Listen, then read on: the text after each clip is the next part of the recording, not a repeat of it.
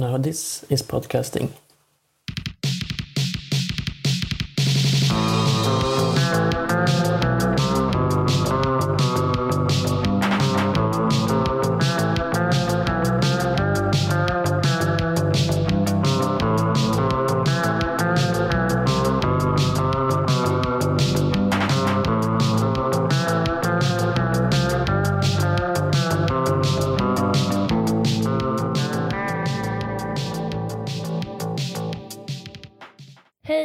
Välkommen till Tusen saker, Knut Tackle.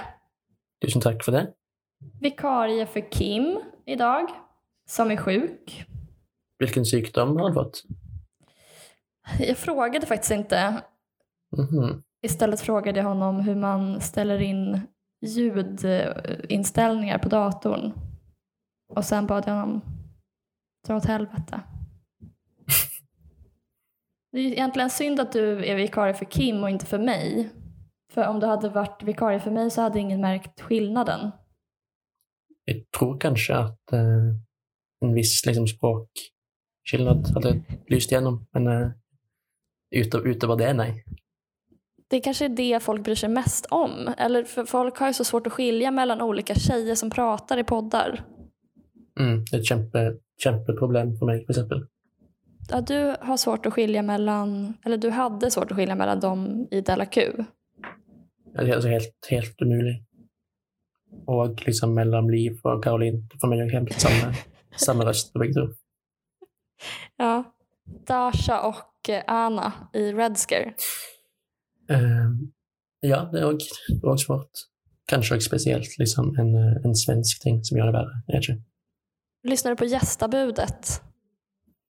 Eh, ja, det också, alltså alla, det är bara liksom Viktor Malm jag klarar att höra. Vem är resten? är bara en, en stor liksom tjejblob på något sätt. Det är bara käbbel, brukar du säga. Ja, exakt. Det är ett ord, ett ord jag bruk, brukar ofta. Ja. Käbbel. Men om det inte hade varit så och folk bara hade gått på vad man säger så hade du och jag kanske varit svåra att skilja åt. Ja, det är, det är möjligt. Eh, vill du presentera dig? Jag heter Knut. Bor i Bergen i Norge. Och är alltså vikar för Kim idag. Varför bor du i Bergen?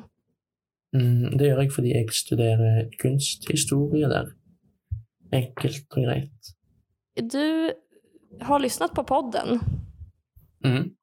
Long time listener, first time caller, som det heter på, på radio. Ja. Vi brukar då gå igenom en punktlista med tusen punkter med samtalsämnen. Kan, jeg, kan jeg spørre, nå sendte jo du med den listen i forkant, men jeg glemte å sjekke. Er det akkurat 1000 punkter, eller har det bare liksom Det mer är eller tusen. mindre? Ok. Mer eller mindre. Det är en alternativ titel vi hade. Mer, Mer, eller mindre tusen saker. tusen saker. Give or take 980 saker. Har du hört att Lars Vilks är död? Ja, det har jeg fått med meg. Rip to a real one. Eh, Du känner till honom? Ja. eh, det gjør jeg altså kanskje mest liksom på grunn av liksom, kontroverser og Muhammed-karikaturer og sånn. Kanskje ikke så mye som kunstner, egentlig. Det tror jag att du delar med de flesta. Mm. Även om många kanske skulle säga att kontroverserna är hans konstnärskap. Nå leser jeg litt, eh, litt mens jeg prater. Det står faktisk her at Lars Vilks var professor i kunstteori på Kunsthøgskolen i Bergen fra 1997 til 2003. Är det sant? Så der har man jo, ja, der har man jo en artig lokal forankring. Ja, men vilken oerhörd tur att just du Ja, är här. Sammentreff. Är det en bra konsthögskola? Eh, ja, det, den har ganske bra, bra rykte. Mye, mye dansker og svensker og sånn som går der. Mm. Danskarna kom för att Lars Vilks undervisade. Kanske. Ja, det kan man jo spørre seg om de liksom har hørt at eh, Lars Vilks har vært lærer der. Liksom da, for det er jo den fremste formen for dansk kunst, har jo alltid vært Mohammed-karikaturer. Ja. Det jo liksom den Den stora danska kunstformen. Ja, ja. Så, eh, så får de lära sig det i fem år. Mm. Kandidat i rondellhundar och master i Mohammed-karikatyrer. Men eh, det har varit en debatt nu, jag vet inte om du har eh, följt den. Eh, jo, alltså lite. Jag försökte följa lite med, men ja. Mm. Om huruvida Moderna Museet eller något annat museum ska ta in den här Mohammed-karikatyren Mm. i sina samlingar. För några år sedan var det självklart att det här var ett dåligt konstverk. Men nu Mm. höjs allt fler röster för att det är ett viktigt, ett viktigt konstverk. Mm. Men då har um, museichefen för Moderna Museet skrivit att ehm, de inte vill ta in den. Men jeg ser for meg sånn fra et rent sånn eh, museumsperspektiv at jeg det er et veldig, et veldig vanskelig bilde å stille ut, for det er jo liksom en viss risiko for hærverk og så videre. Vad sa du? Det är en viss... Eh, hæ- Hærverk er kanskje ikke et ord på svensk. Eh, vandalism, liksom. Det er jo en viss risiko for at eh, folk vil forsøke å ødelegge det hvis det skulle henge på et museum. Precis, det är ju det folk har spekulerat i om det är av rädsla då som Moderna Museet till exempel inte vill ta emot den här teckningen. Mm. Ja, Men det hävdar Gitte Örskog då som är museichef på Moderna Museet inte är anledningen. Mhm. Utan det är helt enkelt inte ett tillräckligt bra konstverk. För hon skriver att eh, teckningen har haft stor betydelse men gör det verket till stor konst. Ska vi mäta ett konstverks värde utifrån dess förmåga att väcka debatt? Om det är vårt enda krav, vad betyder det för uppfattningen av konst i vårt samhälle?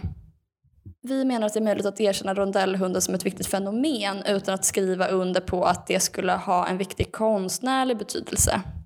Allt man gör i yttrandefrihetens namn är inte bra konst.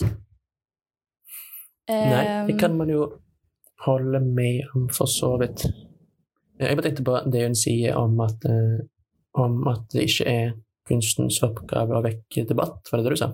Mm, For det er jo liksom uttalt eh, et uttalt, et uttalt og etablert litteratursyn veldig lenge. så Georg Brande sa det at eh, det var litteraturens fremste oppgave å sette problemer under debatt, så det burde jo ikke nødvendigvis være så Mm. annerledes for kunsten. Jag tror att även Marshall McLuhan eh, är inne på något liknande. Inte just att konst ska väcka debatt, men att det ska vara eh, som en motmiljö, mm, motkultur. Mm. som gör det som är vanligtvis är osynligt i samhället synligt. Men det kan man ju inte direkt säga i det här konstverkets fall. Alltså det, det belyser ju kanske inget nytt direkt. det er jo en, eh, et interessant aspekt ved nettopp altså Muhammed-karikaturer, at de på en eller annen måte faktisk gjør det som er synlig, synlig, og at det som er liksom Deri ligger jo noe av problemet. Altså at det er jo en, Ja, just et motiv man ikke skal avbilde, og så likevel avbildes det. Ja, det har du i och för sig rätt i, ja. Det som varit, o, varit osynligt i samhället har varit Mohammeds ansikte. Mm. Det må ju vara liksom den största den största personligheten i verdenshistorien, men inte har liksom ett eller annat mentalt bilde av hur han ser ut, för att han, i motsättning till alla andra stora män inte är avbildad någonstans. sted. I liksom i eh, relativt nedsettende karikaturer i danske aviser. Men vad säger Brandes? Nei, så han sier bare at eh, det er litteraturens oppgave å sette problemer under debatt. Det er liksom bakgrunnen for den nordiske realismen er ja, vise problemer i samfunnet. Men är- omfattar inte det i så fall för många fenomen? Alltså till exempel debattartiklar. Jo, så han, han, mener jo, han, han mener jo at eh, det er litteraturens oppgave. Altså litteraturen kan gjøre, det, kan gjøre det bedre enn det en eh, debattartikkel kan gjøre. Okej, så att litteraturen definieras av någonting formmässigt men dess uppgift är att väcka debatt.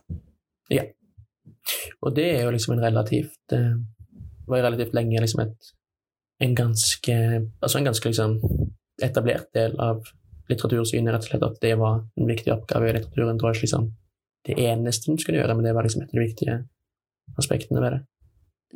Jag håller helt med om att konst och litteratur kan på ett effektivt och ofta Mm. bättre sätt än andra uttrycksmedel beskriva samhället eller beskriva problem, sätta saker under lupp eller orsaka debatt.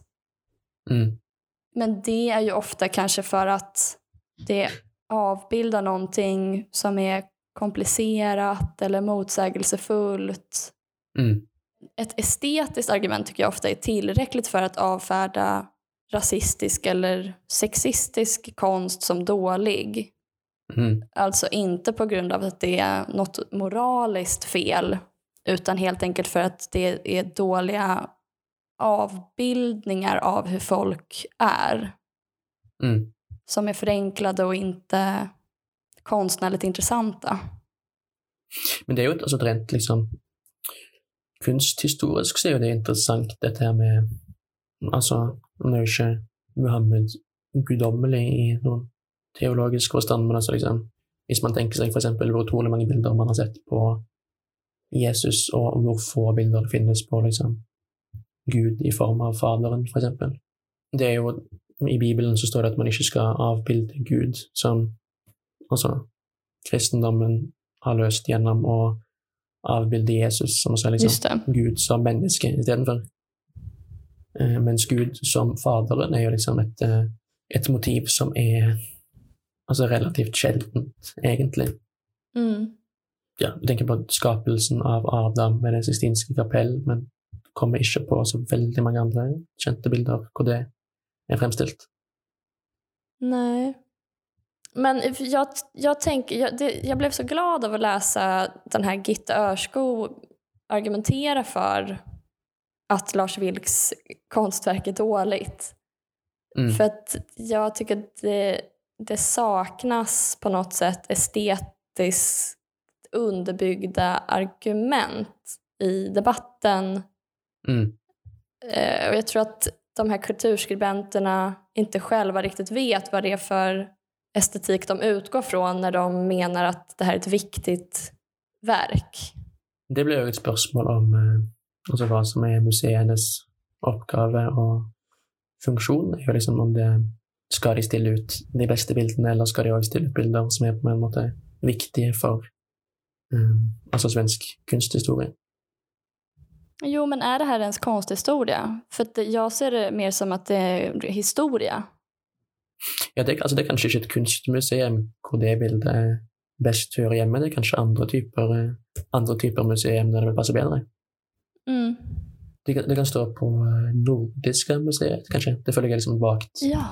vagt museum som har litt av alt. Ja. Det er jo òg et, eh, et eller annet veldig dansk ved det, å tegne profeten Mohammed. Så jeg føler det er jo en liksom, sånn felles nordisk tradisjon han tilknytter seg til. Derfor passer det kanskje fint inn på Nordiska museet. Har vi löst problemet. Det är bara så synd om någon skulle göra ett terrorattentat mot Nordiska museet. För att det är så fin byggnad. Ja, det vil jo, det vil jo være dumt, for så vidt. Eh, En sista sak om det här. Jag har en vag känsla av att det är Kants fel. Att vi inte kan bestämma oss för om det här är bra konst eller inte. För han separerar ju det sköna från det goda och sanna till exempel.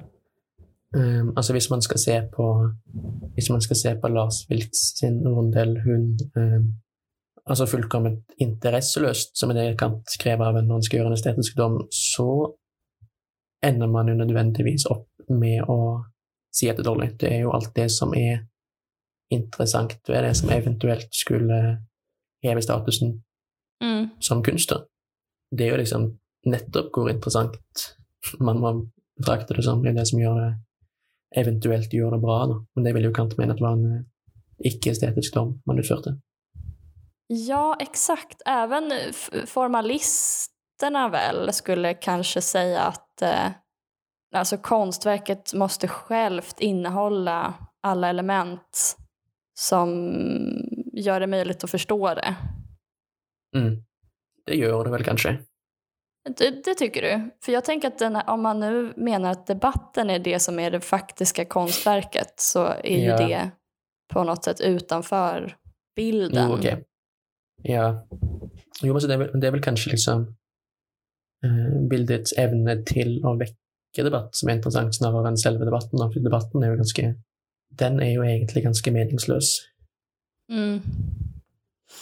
Men eh, alltså, för jag, jag tänker att folk har eh, på något sätt accepterat också att eh, det, den estetiska erfarenheten är subjektiv Mm. på grund av Kant. Mm. Det, sånn är det.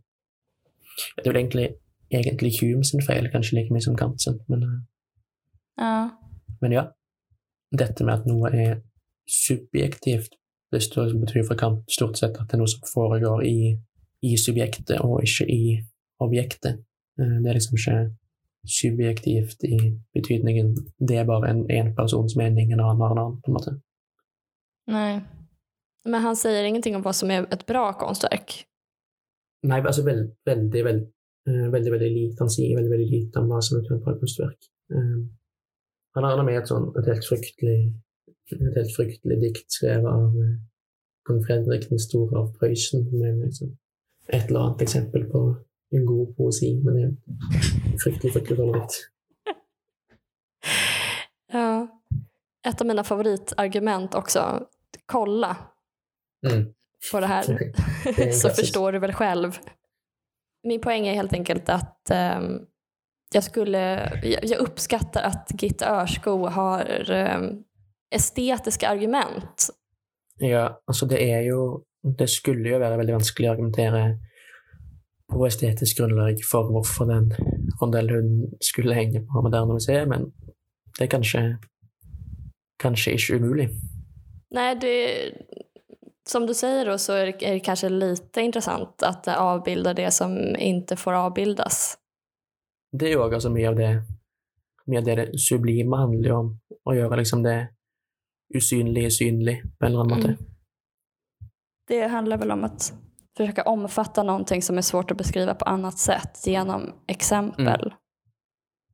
Det är ett fint, eh, ett fint litet citat från en norsk poet som jag aldrig klarar att huska utenat, som går något sånt som eh, eh, Hva ei med ord kan nevnes i det rikeste språk, det utsigelige skal diktet røpe dog, hvis det er hvis det var forståelig. Mm. Altså et dikt fra Johan Sebastian Welhaven fra 1844, om hva men er diktets ånd.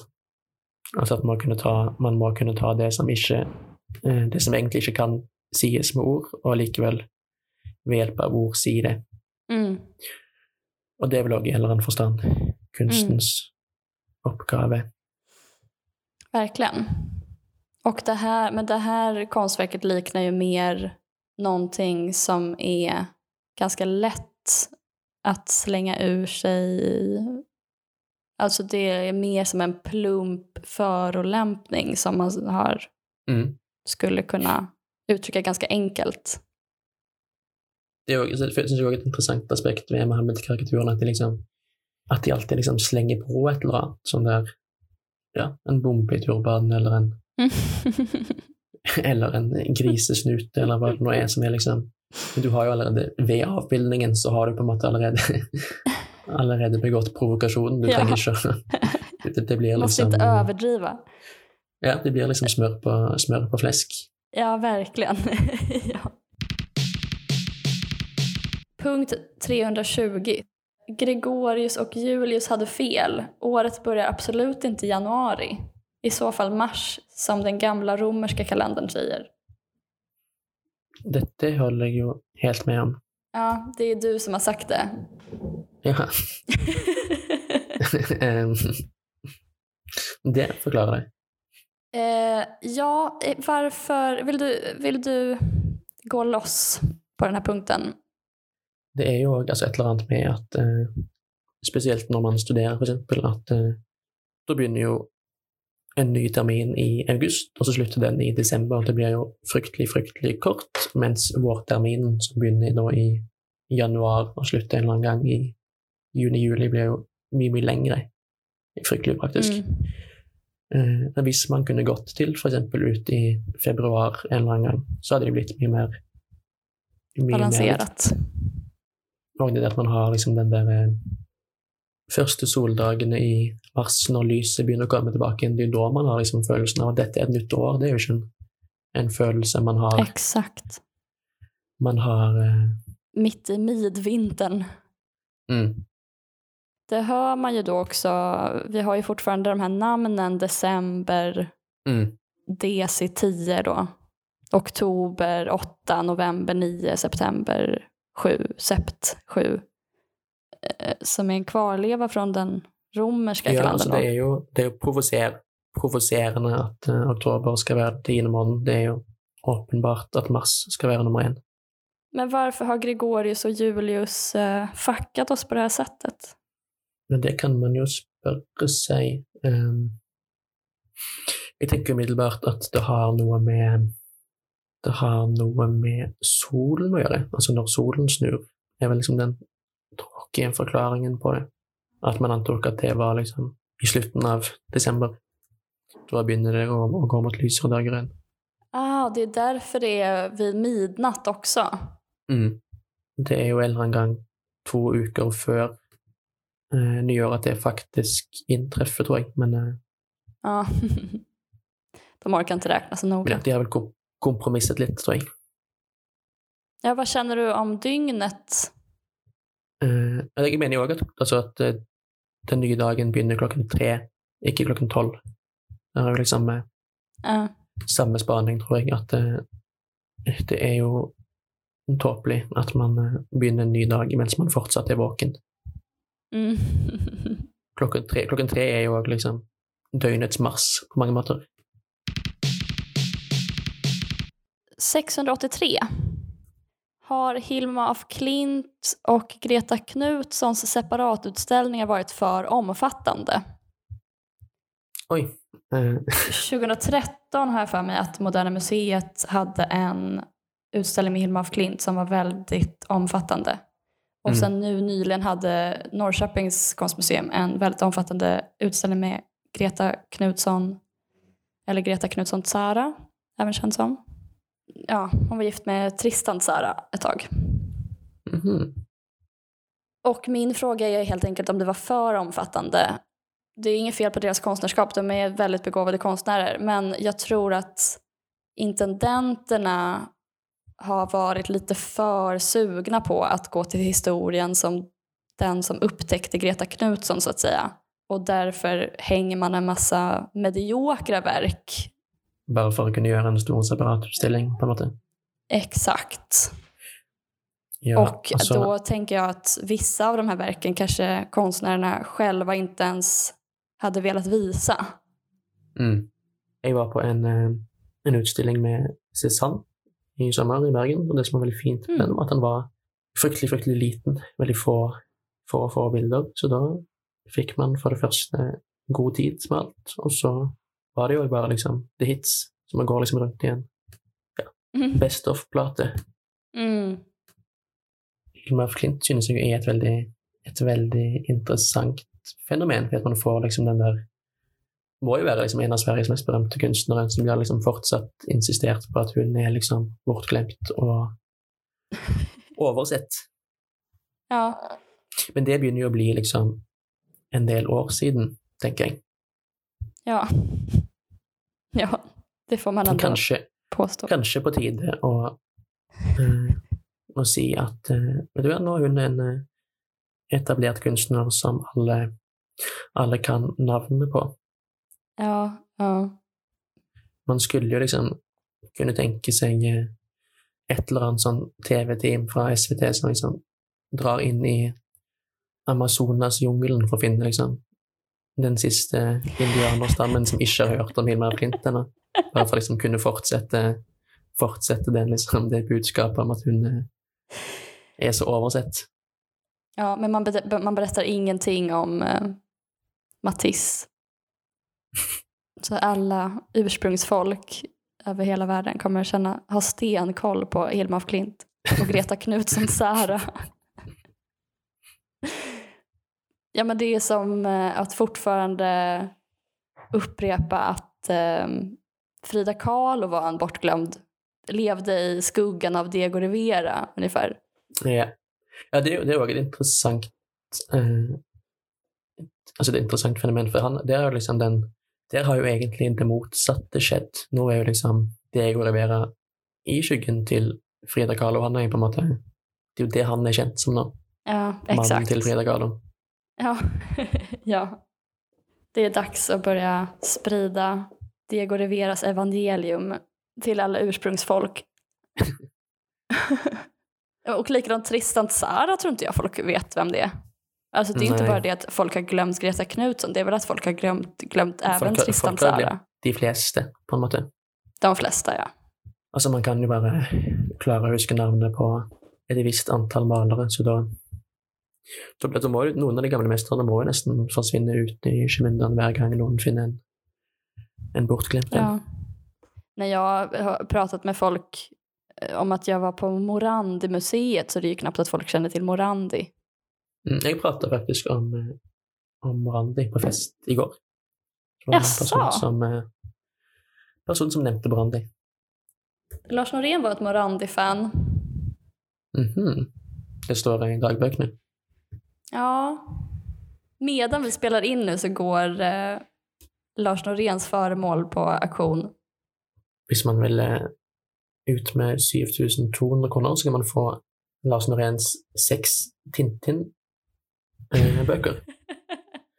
Han har, han har, det er interessant at han har akkurat seks stykker, ikke, ikke alle, for eksempel. Han har, en eh, inkomplett samling. En veldig inkomplett samling som altså noen har budt 7200 kroner for. Men han har ganske interessant eh, ant... Altså, han har jo Han har Tintin i Sovjet, den første utgave. Altså, den, den er veldig pro-Sovjet. Den handler liksom om eh, Ja. alt det flotte som eh, Lenin har fått til, fått til der borte. Og så bytter jo, bytter jo serieskaperen politisk overbevisning etter hvert. Det jo interessant for Tintin i Sovjet er jo såkalt non-canon Tintin. Det ikke liksom Det er liksom en egen, en egen ting. I tillegg til Tintin i Sovjet, så har han òg Tintin. Så har han òg altså klassikere som Tintin i Tibet og Den blå lotus, for eksempel. Så har så han den ganske Ja. kjedelige Tintin, eh, Den svarte øen, som jeg er noen stor, noen stor fan av. Det er rett og slett en fin, en fin miks, og interessant at Lars Norén ikke har Tintin i Kongo. Det skulle man jo kanskje Ja. Kunne man jo se for seg at han eh, ville ha kjøpt på et eller annet tidspunkt. Ja, det, ja. Vi pratade lite innan inspelningen om eh, hans Heidegger-samling. Att det är, ehm, det är för, förvånansvärt få böcker av Heidegger. Mm. Men det är däremot eh, någon slags eh, skämtbok med så här hundra vitsar om Heidegger. Eh, Heidegger and the hippo walk through the, those pearly gates using philosophy and jokes to explore life, death and the afterlife and everything in between. Lurer på hvor mye, hvor mye Heidegger man må ha lest før man forstår, før man forstår de vitsene i den boken. Ja, hela hans samling. 30 böcker har han behövt plöja för att förstå de här vitsarna. Man har, man ikke har eh, lest Væren og tid, så kommer man ikke til å forstå noen ting. Jeg synes Det er også- også interessant, interessant at det står at eh, boken er by the best-selling author of Plato and a platypus walked into a bar. Eh, eh, Lars Norén skriver också i sin dagbok att, eh, han, att man inte kan förstå Heidegger om man inte läser Heidegger på tyska. Mm. Men det framkommer senare, eller om det till och med är tidigare i boken, att han själv inte pratar tyska. För han regisserar en pjäs i Berlin eh, utan att pra- prata tyska. Så att, eh, men det kanske förklaras då av den här eh, boken som, som också är frontad, ska sägas, på eh, bilden till aktionen. Att han, eh, han har bara använt eh, Heideggers eh, originalverk som språngbräda för att försöka förstå den här boken. Ja, for det er jo interessant at han har jo han har ju Heidegger nesten utelukkende på svensk. Ja, Man får ju nästan gå ut från att han inte har läst den på tysk. Det har inte kommit med i den samlingen man kan köpa. ja. Pinsamt. Ja, det skulle jag nog tänkt på för han döde. Punkt 761. Min vän Knut sa att jag har ett ångestansikte. Resting sad face. Både du och jag, det vill säga riktat till Kim, gör omvänd smajs, ler med munnen och gråter med ögonen. Vad är ett ångestansikte? Mm, nej, men det är ju ett... eh, ja, det är ju ett ansikte som är liksom präglat av, eh, av angst, rätt och slätt. Hvor han liksom har satt sig. Vet du vem som har ett ångestansikte? John Locke. Ja, det... Jag tänker också på um, H.P. Lovecraft, det mest kända porträttet av han för mig. Liksom. Det är ångestansikte. Ja, Nej, det är inte att du ser ut som Lovecraft men att det, det är väl kanske, hvis man, man vill veta vad ett, hvis man vill veta vad ett ångestansikte är, så är det kanske Lovecraft-bild man ska se på. eller så är det bara underbett, eller? Men jag, jag lurar på om jag kan ha sagt detta som liksom eh, payback för en gång du sa att jag inte hade kroppsspråk. Nej, det har du inte. Men eh, du behöver inte kroppsspråk för du har så uttrycksfullt eh, ansikte. Skoja. Det är väldigt, väldigt vanskligt för lyssnarna att se, men det, Nej, precis. Inget av det här är, gör sig bra för ljud. Punkt 3. Enbart vistas i miljöer med muralmålningar. ja, det är ju en, eh, en ambition som jag synes att man ska ha. Och en ambition jag delar. Det visar att man har made it, att man bara hela tiden befinner sig i rum med muralmålningar. Det är som det här mimet, eller vad man ska kalla det för, skämtformatet. Visa att du... Berätta att du har lyckats utan att säga att du har lyckats. Så det är bara en massa, en massa bilder på personer som står med muralmålningar i bakgrunden. Muralmålningar, ja. Eh, har du nå, något eh, rum du tänker på när du tänker på muralmålningar? tänker mycket på eh, rådhuset i Oslo. Där är ju hela liksom bygget däckar, insidan är däckad av forskjellige, forskjellige fresker som firar socialdemokratiet. Socialdemokratisk fresk. Trygg och norsk, folkhemsaktig. De upptäckte häromdagen en muralmålning av Einar Jolin någonstans i eh, Småland, tror jag det var. Eh, den hade varit övertäckt, men nu har de tagit fram den. Eh, och då var det, visade sig, nakna tjejer eller sjöjungfrur som red på delfiner. Det är också samma problem som med att det, de här separatutställningarna med Hilma af Klint och Greta Knutsson så har varit för omfattande att så här, det måste inte bevaras bara för att det är Einar Jolin. Liksom. Eh, vad är skillnaden mellan fresk och muralmålning? Mhm. Det är något med torr och blöt va? Ja, alltså en fresk ska ju vara malt på våt vägg. Väl. Det är en klassisk, klassisk konstform som har blivit lite tappt. Kanske man ska försöka ta tillbaka, ta tillbaka fresken. Börja syssla lite med fresk kanske är något man kan göra i sin fritid. Kanske något omständligt. Att att man måste ha eh, massa lager av lera och gips och trä och vad det är. Ja, är. Tempera. och guld. Eh, så här förgyllningar. Altså I Nord-Irland ser jeg for meg at der er det mye alle disse her eh, IRA-muralene og sånn. I Derry og sånn, så er det masse bilder på sånne IRA-soldater med liksom finlandshette og gevær og sånn. Mhm. Ja, precis. Det är ju väldigt tur eh, eh, för oss att mm, det finns sån eh, spännvidd inom muralmålningar. Att man kan Mm. eh, uteslutande vistas i miljöer med kommunistiska muralmålningar då till exempel.